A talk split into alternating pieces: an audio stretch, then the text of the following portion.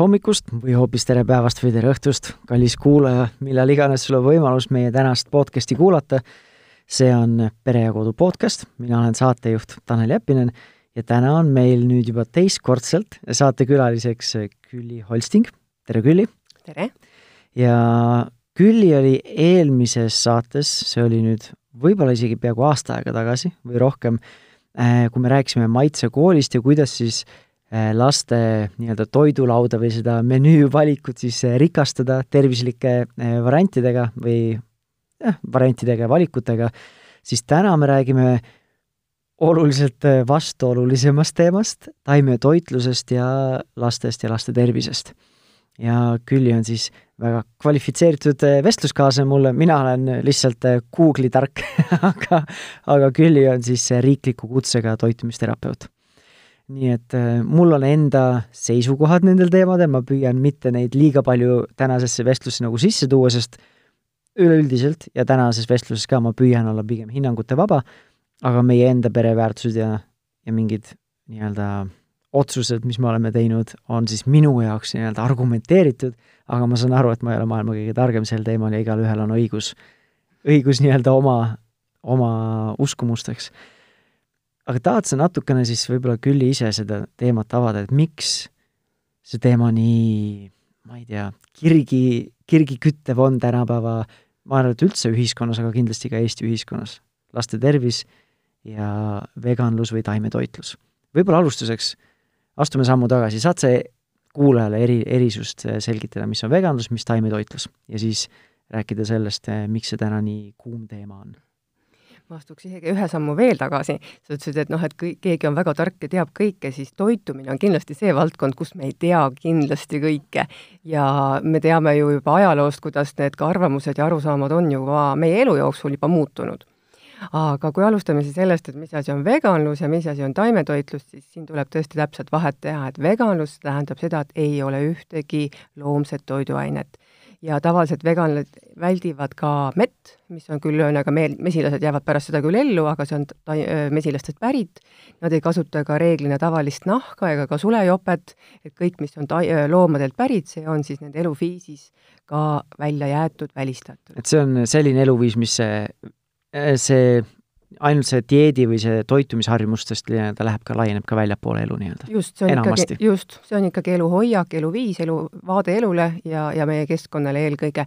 Äh, vähestel juhtudel on ta seotud tervisega et äh, tavaliselt veganiks ei hakata mitte tervislikel põhjustel, vaid äh, noh, noores eas alati ka natuke protestiks, sest me tahame olla ju erinevad kui meie mhm. vanemad, ja teisalt siis ikkagi pigem nagu keskkondliku eluviisi nagu järgimise eesmärgil. või eetilisuse. või eetilisus täpselt, et see on ka eluviisi osa ju lõppude lõpuks. jah, noh, siin on endal juba kommentaar ka, et äh, meie lapsed teavad, kust, meil on kaks väikelast, viiene ja kahepoolene või varsti kolmene kevadel, et siis äh, nemad teavad, kust toit tuleb ja nii mõnigi kord ma mäletan, isegi varasemas eas, kui väiksemas eas, siis meie vanem tütar siis on küsinud ka, et kas see, kas see kanaliha tuli kanast, et kas kana pidi selle jaoks ära surema. et siis noh, lastel on see võib-olla empaatiaga, ma ei tea, kas ta nagu suurem kui täiskasvanud inimesel, aga me oleme vist täiskasvanud lihtsalt võib-olla harjunud selle uskumusega, sellega, et jah, inim-, loomad, loomad peavad äh, ära surema, et ma ei saa lihtsalt kanal kintsu ära võtta siis ta elab, elab õnnelikult edasi, on ju. et äh, meie lapsed on siis äh, teinud mingeid valikuid ja meie viiene ka vahepeal, mitte alati, aga vahepeal ta siis keeldub mingitest asjadest, et ta ei taha täna seda süüa, liha Mm -hmm. et seal on mingid nii-öelda eetilised ja mingid maailmavaatelised äh, põhjused taga sagedasti. nojah, eks see ongi see, et see on see suunamise küsimus samamoodi, et kui ka perekonnas on sellised hoiakud, siis see loomulikult on äh, loomulik, et ka lapsed seda järgivad. ja eks siin on ka peredel omad valikud, et on ju ka neid vegan peresid, kes kodus järgivad ka näiteks toiduvalikutes täistaimsed, täistaimsed toiduvalikut, aga lubavad lapsel näiteks lasteaias, koolis või ka sõprade juures ka valida seda, mida nad seal tahavad proovida. ehk et anda neile ka tegelikult võimalus ka proovida ka teistsugust toitu. et see on kõik nagu valikute küsimus ja nüüd taimetoitlus, mille võrra see mhm. erineb veganlusest? jah, et taimetoitlus on selles mõttes äh, pigem siis loobutakse kas lihast või kalast või mõlemast ja tavaliselt on sellel ka palju vähem nagu terviseriske, seda on tunduvalt kergem järgida ja kui me ka seal vaatame, et tegemist on samamoodi ju eetilisusega, ehk et äh, kui me võtame muna ära kanalt, siis ei jää ju veel, kanaga ei juhtu veel midagi ja sama juhtub ka piimatoodetega, mis on siis äh, taimetoitlaste menüüs äh, ka omal kohal täiesti olemas mm. -hmm. ja siin üks selline äh, teema juba tuli sisse, oli see terviseriskid, terviseohud, äh, miks see võib-olla on selline kirgi küttev teema ja teine põhjus, ma ise küsisin, ise nüüd vastan sellele küsimusele, aga ma lasen sul täiendada, kui, kui sa soovid, et teine põhjus ilmselt, miks see kütab kirgi, on seesama, mis sa välja tõid, et et see toitumis, üldse, toitumisteadus, saab seda nimetada, on ju, teaduseks, siis see areneb ajas väga palju ja kindlasti, et asju, need mingid teemad, mis minu, mind kasvatades olid võib-olla tervislikud, tänapäeval neid tervislikuks ei peeta, on ju, näiteks ma ei tea, doktorivorsti laseb kahe suupoolega sisse või siis igale poole käib, on ju, eh, kus on väga palju täitaineid või kuidas iganes neid nimetatakse. ja siis äh, teine asi on siis see, et tänapäeva selles infoühiskonnas ükskõik, millised uskumused sul on, sa leiad, leiad sellele tõestust või mingi, mingi tagapõhja, et miks nii-öelda, miks see on kõige õigem viis võib-olla, kuidas elada, kuidas toituda, mis on kõige tervislikum ja nii edasi. et vist hiljuti tuli välja nüüd äh, kahe tuhande üheksateistkümnenda aasta lõpus see äh, ma ei teagi, kas eesti keeles, kuidas see on, aga see Game Changers, mis siis toetab ka ja promobib seda veganlust ja taimetoitlust ja ja neid dokfilme on ka väga palju igast vaatevinklist ja nii mõnigi kord on nendel tegijatel mingi agenda, mingi selline eesmärk, mida nad tahavad siis või kuvand, mida nad tahavad edasi anda ja siis nagu sa leiad sellele teaduspõhiselt ka väga paljudele vaateviisidele tõestust. et seal ei ole, tänapäeval ilmselt ei ole ainuõiget ühte viisi, üks järgib karnivoorset dieeti ainult, on ju, teine on kuskil ketogeenset või paleo või mingid muud teemad ja siis kolmandad ja neljandad siis on taimetoitlased ja veganid, on ju äh,.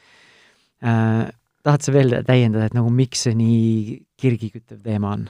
no just see, kõik need aspektid, mis sa ka välja tõid, et loomulikult ühesõnaga, kui tehakse väga mõjusaid ja häid filme, siis loomulikult need mõjutavad, et mäletan, Kahvliga skalpelli vastu oli ikkagi suur menuk, seda ikkagi vaadati nagu väga erinevates seltskondades ja väga suure nagu naudinguga, et loomulikult sellised uued trendid on ahvatlevad nii nagu moes, nii ka elustiilis, et me loomulikult tahame neid järgida.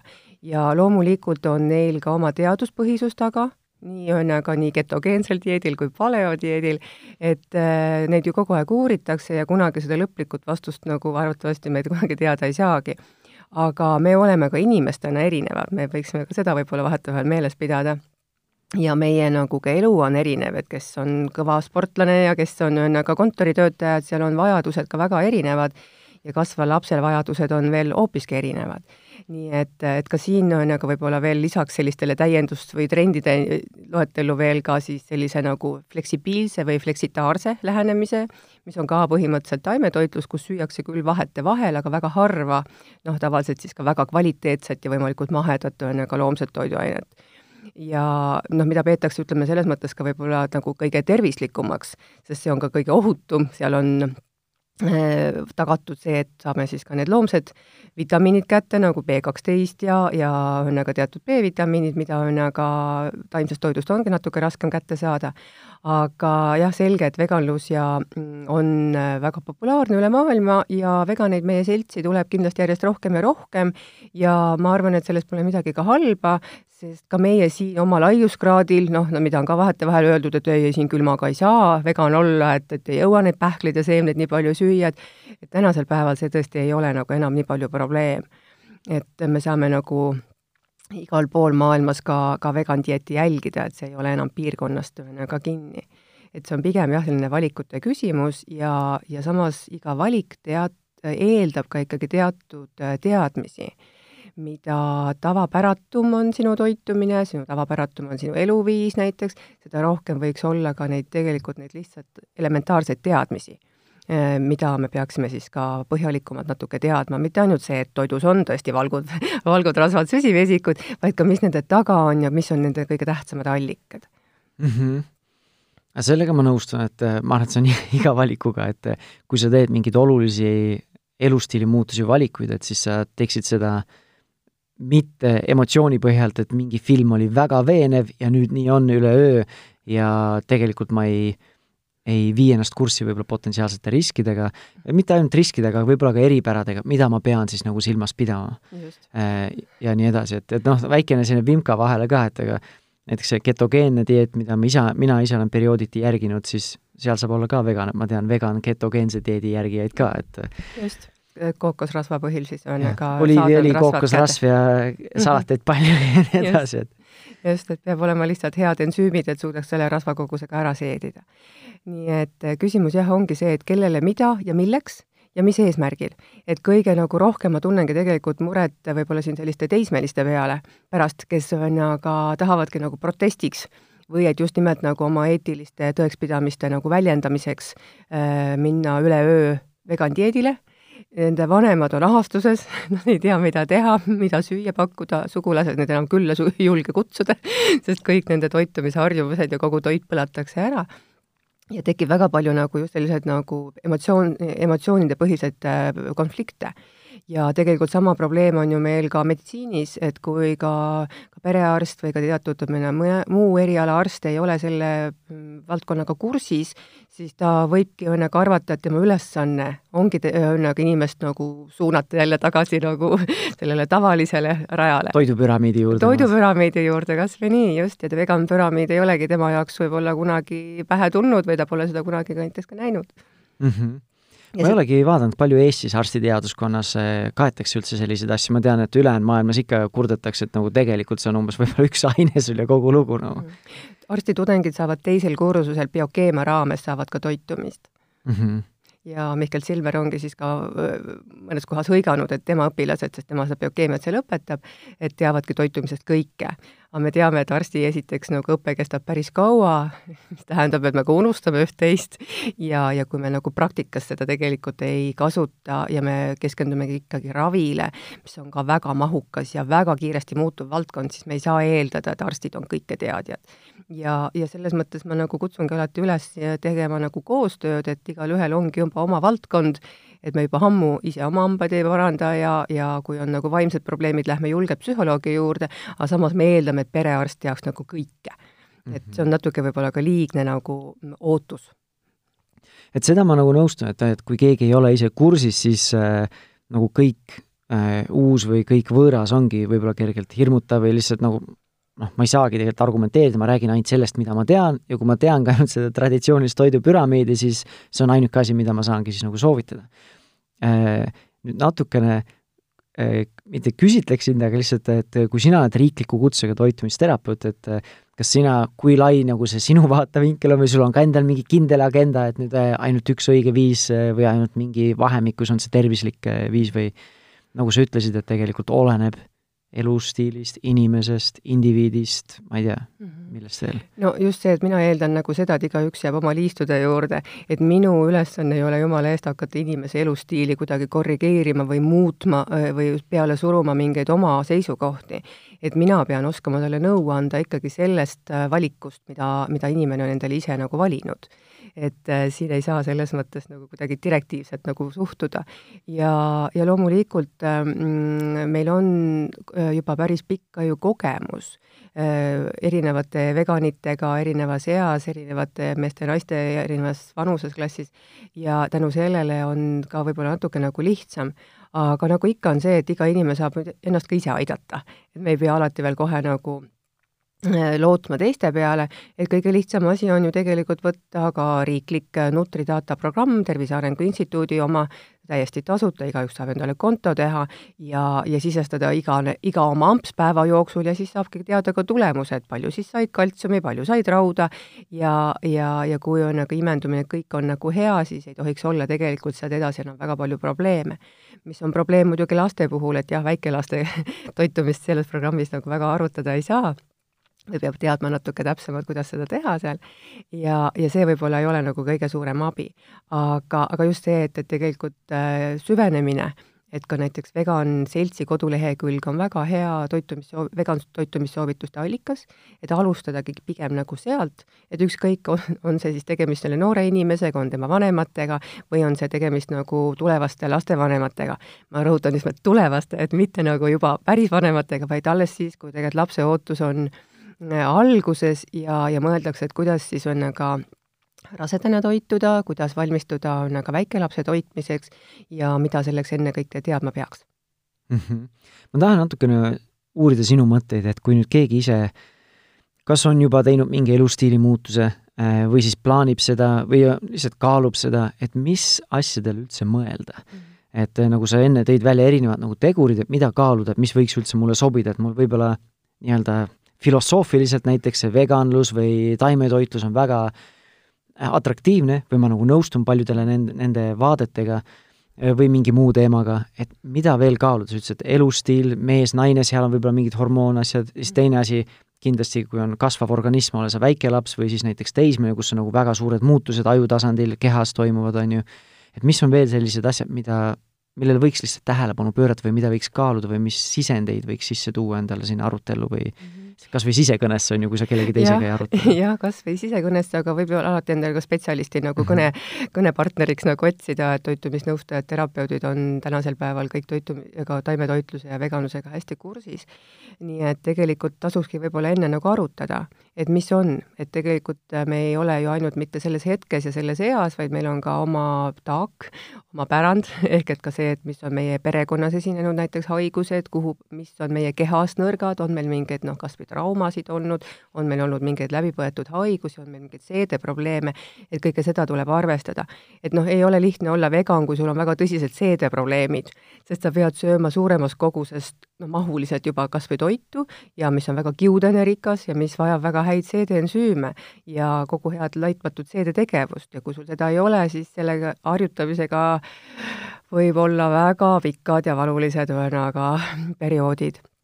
Samas jällegi, et kui kui on aga, ei ole aega näiteks ka ise võib-olla näiteks süüa teha nii palju või ei ole oskusi või isegi tahtmist, ka siis on väga raske tegelikult kõigega hakkama saada, et mõelda, et ma lähen nüüd poodi, seisan seal vegan riiuli juures ja kogu minu ostukorv sealt ainult nagu täis saabki et tegelikult ikkagi on vegan toite ka teistes riiulites. Neid tuleb lihtsalt natuke võib-olla hoolega ja täpsemalt nagu otsida. nii et just see, et mis on minu ressursid, ajalised, rahalised, energia ja ka soov ja aeg, mida ma saan panustada ka õppimisele mm. -hmm. sa enne tõid välja ka, et eh, mis on võib-olla eesmärgid, et see on üks asi, millele mõelda. et eh, mis jaa, et kus on eesmärk, ma ei tea, lihtsalt toituda tervislikult, eesmärk on võib-olla, ma ei tea, mingeid sporditulemusi võib-olla tõsta või sport, ma ei tea, mis seal veel võib olla, neid eesmärke on ju. jaa, otse loomulikult just, ja, ja ka selline, et kas või see, et, et kui näiteks pingeline periood mul parasjagu on, et kas on praegu kõige õigem alustada või ootan ikkagi võib-olla just seda suve, kui valik on suuremad, harjutan ennast rohkem ühesõnaga laiema taimse toidu valikuga äh, või teen seda tõesti talvel, kui noh, iga salatileht, mida poes vaatan, ei isuta väga, sest ta on nagu niisugune noh, pisut talvine. et ka sellised momendid võivad meid täitsa nagu ju mõjutada mm. sada -hmm. protsenti nõustun.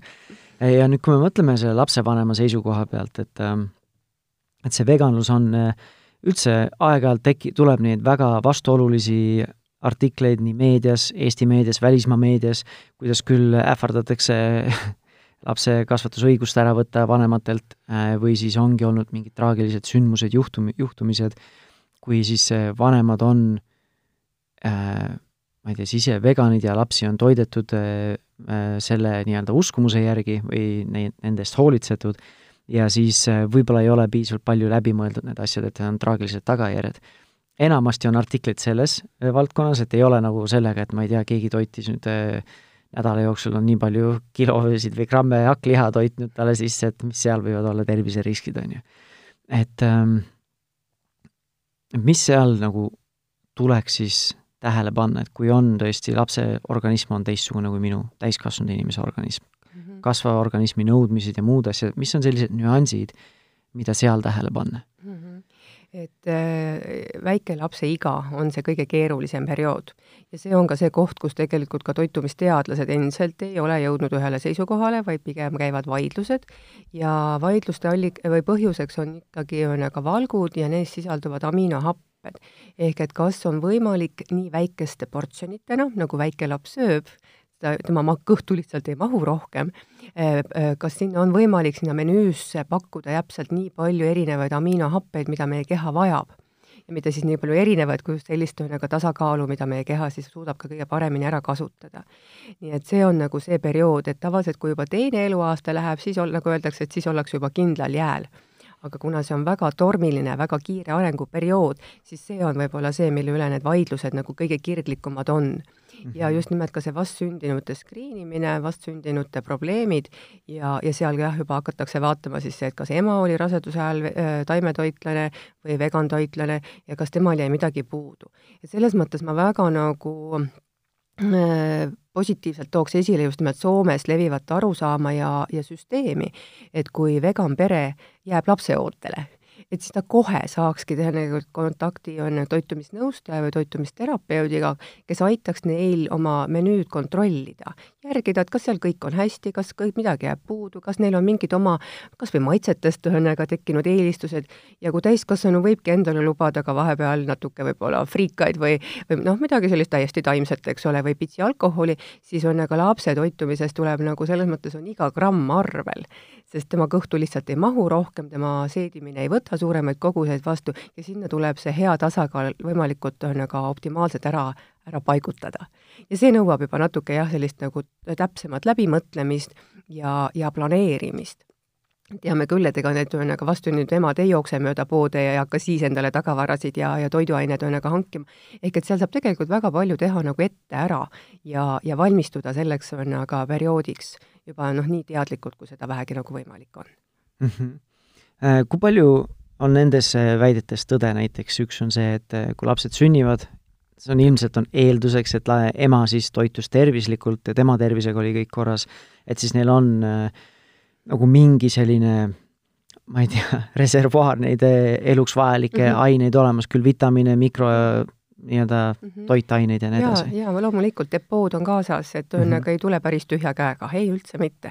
ja mikrobioom on ka kaasas, nii et ühesõnaga see on nagu oluline moment. ja, ja, ja sellepärast ongi oluline, et see rinnaga toitmine võibki alguses olla siis pool aastat, no siin ka jälle uued vaidlused, kas neljandast elukuust hakata tahket toitu andma või kuuendast, ja jälle minu isiklik seisukoht on vägagi see, et sõltub ühesõnaga lapse ja ema enda koostööst, enda soovidest, võimalustest ja ka lapse tervisest. et me tegelikult väga väikest ja väga võib-olla aeglaselt kasvavat last peamegi hakkama varem tahketoiduga toetama. Ja laps, kes on normkaalus, normiivega ei ole võib-olla vaja üldse nii väga kiirustada takka, et las ta ühesõnaga naudib ka seda täis rinnapiimatoitu nii kaua kui võimalik. ja rinnapiim ongi siis ühesõnaga väikelapsele tegelikult tema kõige tähtsam ja olulisem toit. Ja rinnapiima koostis omakorda jälle siis sõltub ema toitumisest nii et noh, mida sealt tuleb kindlasti jälgida, on needsamad, ühesõnaga D-vitamiini saamine ja seda tasuks kindlasti kontrollida analüüsiga, samamoodi nagu B12 vitamiin, aga mis on ka sageli on tegelikult on probleemiks äh, lisaks valkudele, on ikkagi rasvhapped ja ja ka kaltsium. ehk et rasvhapetest on see keeruline saada kätte seda omega-3 rasvhapet, et selleks tuleb tõesti päris korralikult äh, menüüsse saada erinevad seemned ja pähklid et ilma nendeta selle saamine võib muutuda väga keeruliseks, sest nagu me omnivooridel teame, et esimene, esimene allikas on kala, aga ka selle söömine on nii tagasihoidlikuks jäänud, nii et, et võib-olla siin ongi mõistlikum ka võtta sellel perioodil tõesti ka õnnega teatud omega-3 lisandeid, veganitele tehakse neid siis erinevatest vetikatest. ja puudujääk on sage ka veel joodis joodi saamises, mis on täpselt sama, mis on ka omnivooridel, sest ka omnivoorid ei söö piisavalt mereande ja vetikaid ei ole meie noh, toidukultuuris lihtsalt nii palju. Et õnneks on nüüd tulnud nagu võib-olla selliseid moodsamaid nagu vetikakrõpse ja ja sushi on meil populaarne, mida saab ka ju taimselt teha et need on siis võib-olla need, mis ühesõnaga võiksid seda joodipuudust ka vähendada või siis kasutada jodeeritud ühesõnaga soola igapäevaselt.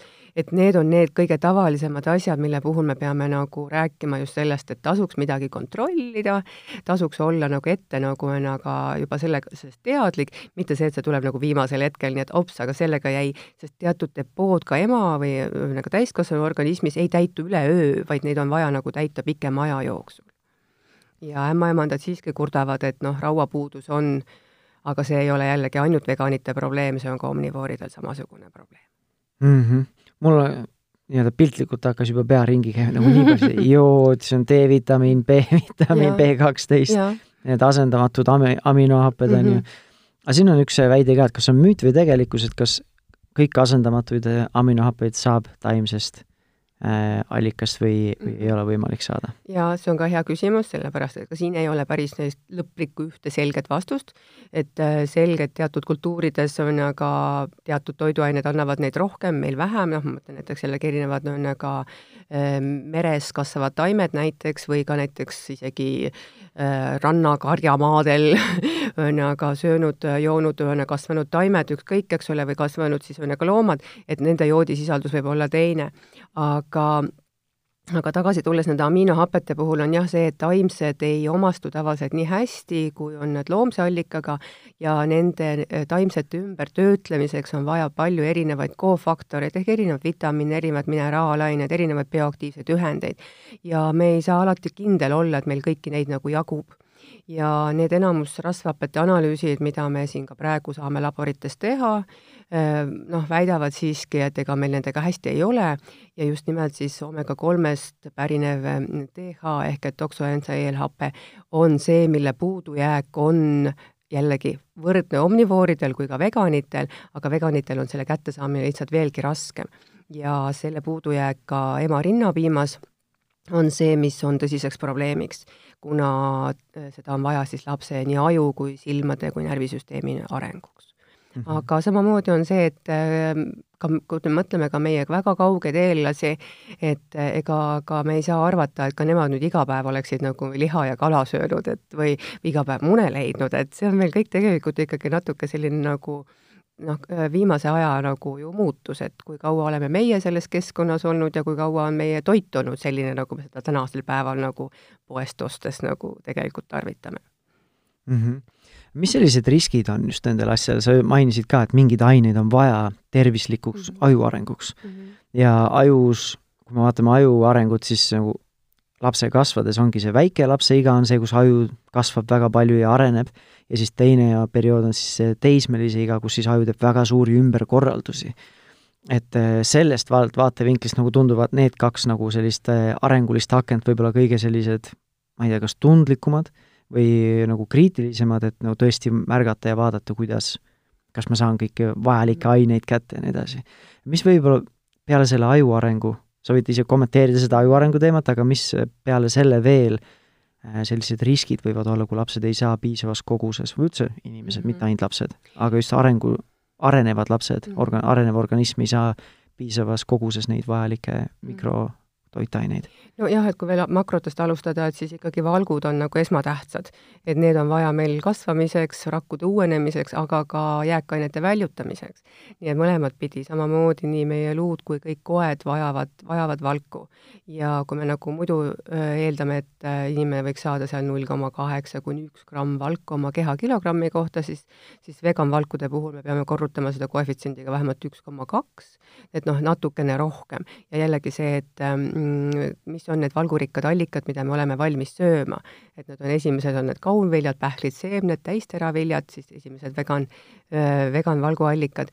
Ja noh, siis tuleb jälle see, et, et ei noh, et see gluteen ei ole hea, teravilja ei saa süüa, kaunviljad ajavad puuksutama, eriti noh, ka väikelastele on, aga ei soovitata neid nii väga palju tarbida, ja siis pähklid, seemned, et pähklid on ju allergilised, ehk et meil on neid müüte selle kõige ümber nagu rohkem, kui võib-olla vaja et kõik inimesed ei ole ka pähklitele allergilised ja pähklitest saab teha ka jahu ja erinevaid võideid ja kasutada neid ka ka näiteks valguallikatena ka väikelaste puhul.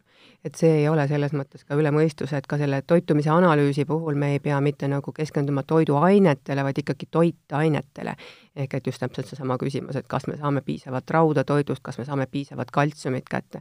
ja noh, ega ka kaltsium ei ole nagu väga lihtne, sest me vajame seda päris palju ja just ka lapse nagu on aga kiirema kasvuperioodide puhul läheb kaltsiumit pisut, pisut rohkem vaja nii et, et jällegi, et mis on need kogused, mida peaks laps olema valmis ära sööma.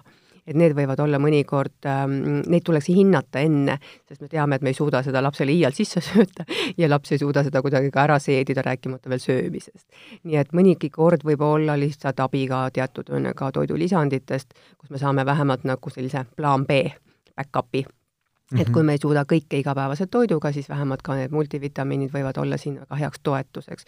noh, mõtleme kas või jood näiteks, et kui me oleme nüüd rääkinud siin vetikatest, et vetikates võib olla samas ka liiga palju joodi, mis võib olla jälle meile ohtlik ja, ja, ja nad ei pruugi kõigile ka maitseda, maitseda, nii et siis võib-olla ka selline joodi toidulisandi võtmine on, on võib-olla hoopiski nagu mõistlikum mõte mm. kui sa nüüd sellest rääkisid, siis mul tuleb meelde, mu naine joodab mulle joodi vahepeal just, ja hoolitseb sinu eest hästi. et äh, sa oled mitu korda tegelikult siin maininud ja siis ma tahaksin küsida selle kohta, äh, rääki-, oled rääkinud nagu seedimise, imendumise kohta. Äh, küll siis äh, vegani poole pealt, et kui liiga palju kiudaineid on, kas me suudame tegelikult seedida või kas need toitained imenduvad, ja siis teise poole pealt käis see läbi võib-olla paaris kohas veel, aga üks koht see oli siis, kui on just see ketogeenne, mis on natuke just teisel pool, et võib-olla no tegelikult peaks saama kiudaineid ka, just see väga rasva, rasvarikas on ju, et kas seda suudame nii-öelda, kas need imenduvad, et eh, mis selle imendumise ma ei tea, mida me seal nagu silmas peaksime pidama või kuidas ma nagu saan aru, kas mul nagu asjad imenduvad või mitte või et kas ma ime, minu organism suudab imendada paremini siis ühte, ma ei tea, paremini ühe dieediga seonduvaid mingeid toitaineid mm -hmm. kui teisega ja nii edasi okei okay,, no täiskasvanu võibki endaga selliseid eksperimente teha ja proovida erinevaid dieete ja vaadata, kuidas ta ennast tunneb ja, ja viia ennast siis kurssi, et, et mis seal võivad olla teatud ühesõnaga defitsiitide ühesõnaga tekkimise põhjused. aga ega jah, me nagu väga hästi nagu seda nagu vastust öelda ei saagi, et lõppude lõpuks võimegi alustada sellest, et milline on meie kõhu läbikäimine, milline on meie väljaheide ja siin on tõesti väga tähtis koht nendel kiudainetel et täiskasvanutel reeglina jääb kiudainet siiski puudu, me sööme neid liiga vähe, mis tähendab seda, et meie bakterid meie soolestikus ei saa piisavalt toitu. mis tähendab jällegi seda, et see omakorda takistab meil teatud ühendite tekkimist kehas, aga väikelaste puhul on nüüd olukord juba see, et, et just jällegi väga väikeste puhul, et kui me toidamegi neid väga kiudanerikka toiduga, mis on iseenesest, kui näiteks mineraalainete rikkam, ütleme kas või täistera leib, eks ole, siis ikkagi on ka see suurem kogus kiudainet võib olla neile lõpuks ka probleemiks, eriti jällegi seal just esimesel eluaastal, kui seedimine alles tegelikult äh, kujuneb ja kuidas ka bakterite kooslus alles kujuneb. nii et ühelt poolt jah, oluline, et ei toodaks üle ja samas, et ei jääks ka liiga vähe, ehk et see optimaalse koguse leidmine, see ongi kõige keerulisem ja seda ongi mõnikord vaja nagu võib-olla natuke ka jälgida, arutada, konsulteerida, et millised toiduained on, et lihtne oleks ju see, peotäis ube, peotäis terasid yeah. eks ole, oleks ju kõik kätte saadud mis on sellised head kiudaineallikad peale selle, et kui ma lähen sinna leivaletti ja vaatan kõige suuremate numbritega, et oi, siin on mingi kõige rohkem kiudaineid, et see on, järelikult see on tervislik mm? -hmm. no kiudained üksi ei tee midagi veel tervislikuks, et see on nagu ka, et jällegi, et ühe komponendi muutmine ei tähenda veel, et kogu meie menüü muutuks tervis-. aga see on see turundussõnumid, mida me saame lihtsalt. aga loomulikult ja lõppude lõpuks noh, miks mitte juhtida ka tähelepanu sellele, sest enamus inimesed ei taba seda kiudaine asja nagu kaugeltki mitte õigesti.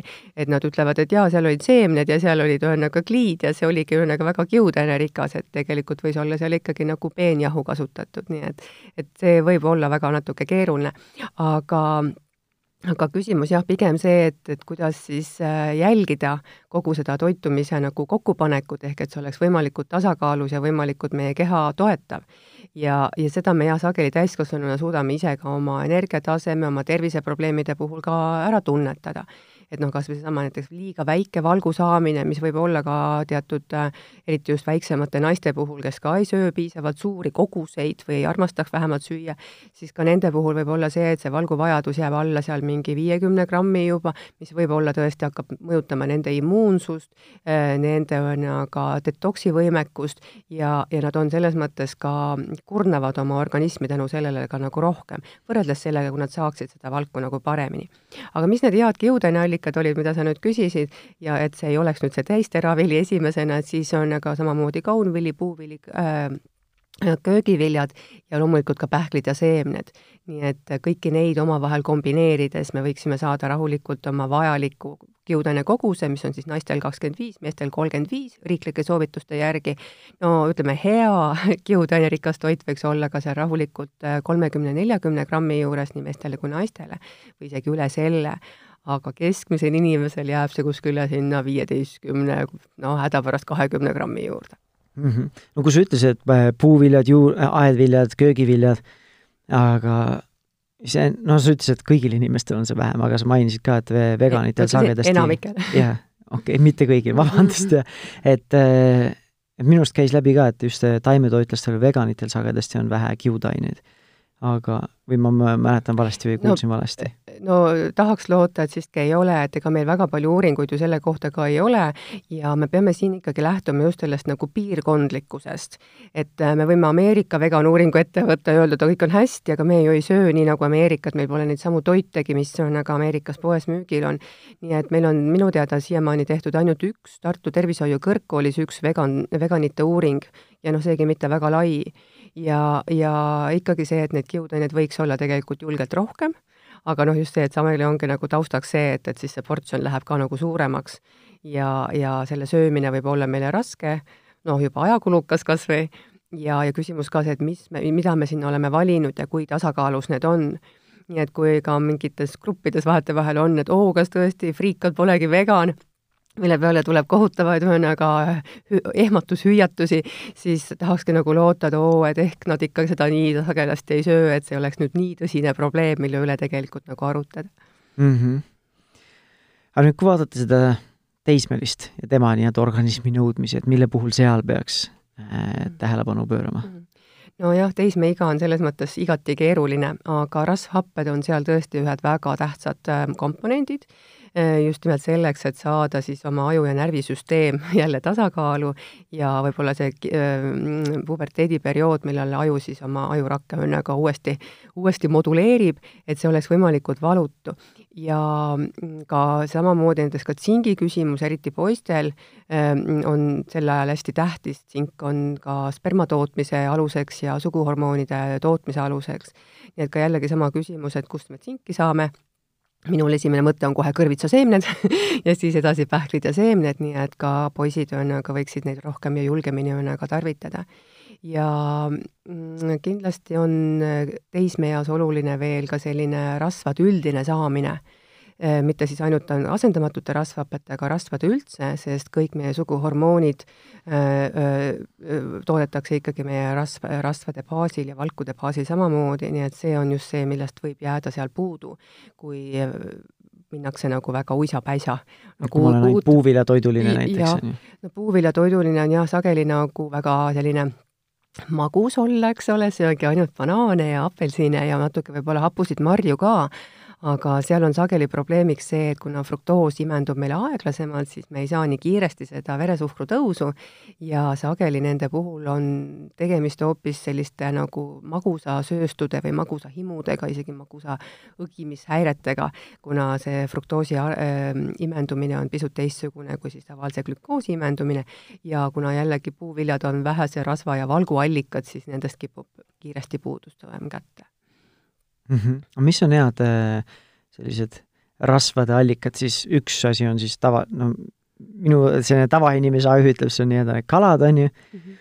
äh, on mingid muud, näiteks ütleme, loomsed allikad, mis on head rasvade allikad, kui sa ütlesid teismelised, see on mm -hmm. rasvade nii-öelda saamine on oluline. ja no teismelisele muidugi, kui me räägime tavainimesest omnivoorist, et siis tegelikult see kala söömine võiks olla selleks ajaks ära õpitud. et kui väiksed lapsed mõnikord on pirtsakad ja ei taha kala, sest see lõhnab kuidagi imelikult ja seal on koledad ehmatavad luud sees, siis teisme jaoks tegelikult see kaladest pärit omega-3 on tõesti hästi vajalik. aga kui nüüd ühesõnaga vegan sinna läheb ainult siis see rasvane, see punane kala või, või ka valged kalad? Ja ikka valged kalad ka, mis on pisut rasvasemad. et noh, jällegi, mida võiks vältida, on need suured röövkalad, noh, meil siis haug, eks ole, kes elavad vanaks ja söövad ära palju väiksed, kus võib olla lihtsalt raskmetalle rohkem aga kõik ka nagu väiksemad kalad, mis on rasvasemad, et mitte nüüd ainult angerjat ei pea sööma, aga ka räim ja kilu ja heeringas on tegelikult suurepärased allikad. nii et neid võiks vaheldada, mitte ainult siis süüa ühte sorti kala ja kui see ära tüütab, et siis ongi, et rohkem ei tahtnud ja sellepärast enam ei söö mm. -hmm. aga vegani jaoks head rasvad on eelkõige siis kookosrasv, palmirasv ja kõik need pähklid, seemned ja erinevad siis äh, oliivid, oliiviõlid äh,, avokaadoõlid, Kreeka pähkliõlid, kõik taimsed õlid, mida me tegelikult saame ka päris suures valikus poes tegelikult juba juba osta mm. -hmm. kuidas on äh, kanepiseemnetega, mida Eestis on ka hakatud maha-alt isegi kasvatama? jaa, just, et ühesõnaga siin ka soovitaks pigem siis tarvitada neid koorituna, et jällegi, et muidu on nad liiga, nad on küll toredad, krõmpsuvad hamba all, aga meil on väga raske seda, seda... ma ei tea, kas need on väga toredad, arust on päris kõvad päris kõvad, just. et pehmed ja, ja ka kanepiõli mm, -hmm. et ka seda on, kasvatatakse meil samamoodi mahedana ja on ime, ime, ime maitsvav. noh, vähemalt minu maitsemeele järgi eks see ongi harjutamise asi, et meile kanepiseemned koorituna käivad ka sagedasti mm -hmm. ma ei tea mm, -hmm. kui jogurtit või midagi süüa või siis ka salatite peale sagedasti ja ja põhimõtteliselt tehakse neist ju siis ka kanepivalku, ehk et siis sellist jahvatatud ühesõnaga varianti, mida on võib-olla veelgi lihtsam mõnikord ühesõnaga teistesse toitudesse segada või lisada, lihtsalt et suurendada seda valgu ühesõnaga saamise kogust. kui palju nendest jahudest või nendest valgupulbritest, palju seal neid tegelikult rasvasid saad, et no sõltub nüüd väga valgupulbrist ja siin noh, on nagu juba see, et läheks nüüd libedale teele, sest enamuse inimese jaoks sel-, seostub sõna valgupulber nende sporditoitudega yeah., mis on aga juba ka katavad pikki riiuleid meie nagu supermarketites. et nendest ma küll ei arva palju midagi, kui ei ole tegemist just nimelt sportlasega. et nad ongi mõeldud ikkagi sportlasele taastumiseks, seal on ka, peaks olema ka süsivesikut, ka erinevaid vitamiine, aga tavaline inimene, kes ei kelle eesmärk ei ole, on aga minna kuskile, on aga tippvõistlustele või treenida, on aga triatloniks, eh, reeglina neid tegelikult ei vaja mm. -hmm ja pigem valida siis nagu väga sellised ehtsad ühesõnaga annakutes nagu tõesti hernejahu või hernevalk või siis ühesõnaga näiteks kanep, millest meil juba juttu oli. ja ma loodan, et me tänane vestlus natukenegi aitab võib-olla mingit selgust luua, sest kui, ja mida rohkem nagu mõelda nendele kõikidele valikutele ja kui sa hakkadki äh, ma ei tea, guugeldama neid erinevaid äh, raamatuid, siis see on nagu, nagu me alguses ütlesime ka, et see on nagu igale, ükskõik millisele äh, filosoofiale sa leiad endale nii-öelda mingi sellise taustajõu sinna taha, et jah, see on nüüd see õige asi, kuidas seda teha. et äh, siin lõpetuseks äh, saad sa kuidagi nagu kokku võtta, et kuidas selliseid, kuidas selliseid valikuid siis nagu teha või kuidas tegelikult orienteeruda sellises äh, infokülluses isegi või kuidas vahet teha, mis nagu võiks olla mõistlik, mis mitte, sest alates, no nii mõnigi soovitaja tegelikult ei ole üldse võib-olla sellise haridustaustaga, on ju. et eh, kuidas nagu orienteeruda selles eh, infoküllases eh, keskkonnas, et mis siis nagu võiks mm. õigem olla? Jaa, ma arvan ka, et siin ei ole tegelikult rohkem kui ühte soovi, ongi ühte soovitust võib-olla vaja, et konsulteerige nagu asjatundjaga. see kõlab võib-olla õõnsalt, aga just see, et, et tehkem rohkem koostööd, mõelgem, kes saaks teid aidata ja lõpuks tehke need otsused ikkagi ise, mitte kellegi nagu on aga ainult reklaami ilusate piltide või millegi muu taustal, et mõelge need asjad enda jaoks läbi ja, ja alati võib ju ka võtta lihtsalt prooviperiood et väga raske on öelda, et oo, ma olen nüüd ühesõnaga see ja see ja kuulutada seda kõigile läbi sotsiaalmeedia, siis pettuda selles ja järgmine nädal siis hakata vaikselt nurga taga käima, käima oma lemmiktoite söömas, ei ole ka mõtet. et võib-olla alguses lihtsalt rahulikult proovida tekkinud küsimusi arutada alati spetsialistiga ja kui üks spetsialist ei oska vastata, siis otsige järgmine, et, äh, et us-, usaldagem üksteist siin ja ma arvan, et igalühel on õigus leida endale kõige sobivam toitumiselu või mis tahes viis mm. -hmm. ja nüüd äh, päris lõpetuseks ka, et kas teadlikult käitudes on võimalik siis tervislikke lapsi kasvatada alates väikelapsest kuni siis täiskasvanuealisena veganina? Äh, ma olen küll sellisel seisukohal ja toetun siin just nimelt Põhjamaade toitumissoovitustele, mis on samasugusel seisukohal. et jah, tõepoolest see on võimalik, meil on juba väga palju selliseid asendustooteid, noh näiteks sama on ka taimsed joogid, mis on küllastatud teatud vitamiinide ja mineraalainetega, mis annavadki tegelikult hea asenduse ka sellele tavalisele piimale. nii et tegelikult me kõik liigume selles suunas, et kõik inimesed saaksid järgida just neid eluviise ja neid veendumusi, mis on nende jaoks kõige tähtsamad mm.. ilmselt siin on see võtmesõna see teadlikkus, et teadlikult läheneda tõesti mõista, miks ja kui palju ma söön. sest äh, USA-s näiteks, ma olen ise USA kultuuriga väga lähedaselt nii-öelda tuttav ja siis äh, eelmise aasta, nüüd siis kahe tuhande üheksateistkümnenda aasta äh, lõpus seal lõi laineid üks vegan burgeris ja kotleti tootja, mingi Impossible Burger oli minu arust. Mm mille kohta on ka nagu toitumisteadlased öelnud, et see ilmselt võib olla isegi ohtlikum sulle, kui seda tavalist, seda burgerikotletti süüa, sest see, see, et ta on vegan, see ei tähenda, et ta on tervislik. kahjuks mitte jah, et sellepärast ongi see, või see, et on gluteenivaba ja siis on ka tervislikum või veel millegi, on, aga et tõepoolest, see ei ole mingi garantii tervislikkusele. et äh, lihtsalt julgustada mis iganes äh, valiku keegi tahab teha, mis iganes kaalutlustel, et lihtsalt äh, teha seda teadlikult. just ja kui endal nõu on otsas, siis on aga otsige julgelt abi. meil on Eesti Toitumisnõustajate Ühendus, mille kodulehekülje pealt leiate, on aga pädevaid nõustajaid, kes suudavad teile ka toitumises, ka vegan toitumise koha pealt head nõu anda mm. -hmm. tahad sa jagada mingeid ressursse kodulehtedesse Eesti toitumisnõustajate? Eesti, Eesti, siis toitumisnõustajad.ee, sealt leiate siis on ka Eestis tegutsevate toitumisnõustajate kontaktid ja, ja leiate kindlasti ka abi. ja kes äh, ei usalda äh, spetsialiste, siis on ka võib-olla ka Vegan Selts, ka neil on oma toitumisnõustaja äh,, et võite alati ka sinnapoole pöörduda. ja kiire küsimus, mis vahe on toitumisnõustajal ja toitumisterapeudil? No nõustaja on, ütleme, saanud veidi vähem koolitust ja võiks tegeleda selles mõttes just nimelt elustiili ja selliste nagu lihtsamate terviseprobleemidega ja toitumisterapeudil on siis äh, äh teadmised läbi vii-, viia teraapia, mis on pikem seanss, pikem selline süst-, äh, süsteemne lähenemine ja on lubatud siis sekkuda ka teatud haiguste mm, kas siis ravisse, ennetamisse või, või taastumisse väga vahva. ja mis, kus sinu üles leiab, kui keegi tahab nüüd -hmm. riikliku kutsega toitumisterapeudi poole pööra-, pöörduda? just, siis võib vaadata minu kodulehekülge www.külliholsting.ee. väga äge. ja kuna sa võtsid siin kaasa ka, et äh, mis need äh, erinevad raamatusoovitused on, sul on siin kaks raamatut kaasas? jaa, mul on kaks ra raamatusoovitust, et kes nüüd täpselt laste kohta tahab õnnega lugeda, siis äh, Anni-Niina Loeko Väikesed veganid laste kasvatamisest ja toitumisest et siin on ka väga vahvaid just ka laste enda seisukohti, miks on vegan hea olla või miks on vegan nõme olla. et eh, avardab kohe silmaringi, et me ise arvame, et me otsustame kõike muidu laste eest. ja teiseks reklaamin veel enda raamatut, eh, mis on minul kolleeg Erle Jõemaaga koos kirjutatud ja pealkiri on Armastades taimetoitu siin on siis on nagu retseptisoovitused ja ka see teooria osa. et see on ka nagu selline raamat, mida soovitan ka emadele ja vanaemadele ja muudele sugulastele, kes peavad oma äh, veganitest ühesõnaga lapsi, lapselapsi ühesõnaga ka toitlustama ja, ja leiaksid sealt nagu sobivaid ühesõnaga toite ka äh,. ja retsepte suur,. suur-suur aitäh, et sa tulid oma mõtteid jagama ja, ja selle vestlusest ma loodan, et see äh, kuulajale oli ka mitte ainult nagu põnev, aga natuke võib-olla mõtlema panev vähemalt, ja olid siis ressursid ka olemas, et toitumisnõustajad.ee ja külliholsting.ee.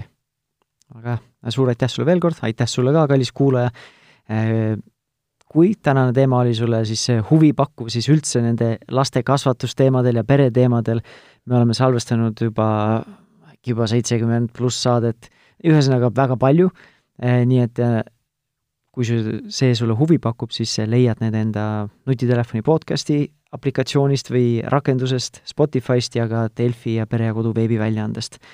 ja mina äh, modereerin siis muuhulgas ka Facebooki gruppi Positiivne ja rahumeelne vanemlus. aitäh sulle veel kord kuulamast ja järgmise korrani!